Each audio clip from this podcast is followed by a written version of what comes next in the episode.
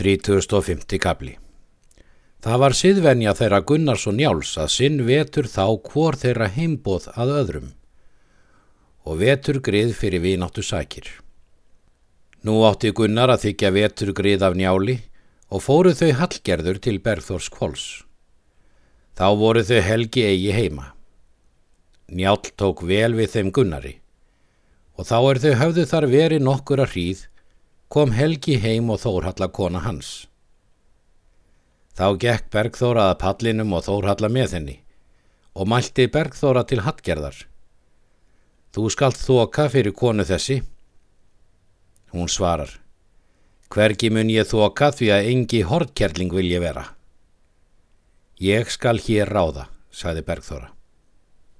Síðan settist Þórhalla niður. Bergþóra gekkað borðinu með handlaugar. Hallgerður tók höndina Bergþóra og mælti. Ekki er þó kosta munur með ykkur njáli. Þú hefur kartnagla á hverjum fingri en hann er skegglaus. Satt er það, saði Bergþóra. En hvorut okkar gefur það öðra sög. En eigi var skegglaust Þorvaldur bóndið þinn og réðst þú þó honum bana. Fyrir lítið kemur mér, segir Hallgerður, að eiga þann mann er vaskastur er á Íslandi ef þú hefnir eigi þessagunar. Hann spratt upp og steg fram yfir borðið og mælti. Heimun ég far og er það maklegast að þú sennir við heimamenn þína en eigi annara manna hýpilum, en þá ég njáli marga sæmd á launa og mun ég ekki vera eggjanar fýbl þitt. Síðan fóru þau heim.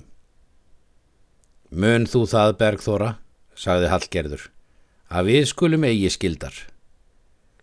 Bergþóra sagði ekki skildi hennar hlutur batna við það. Gunnar lagði ekki til og fór heim til hlýðarenda og var heima allan þann vetur í gegnum. Lýður nú á sumarið og allt til þings framann.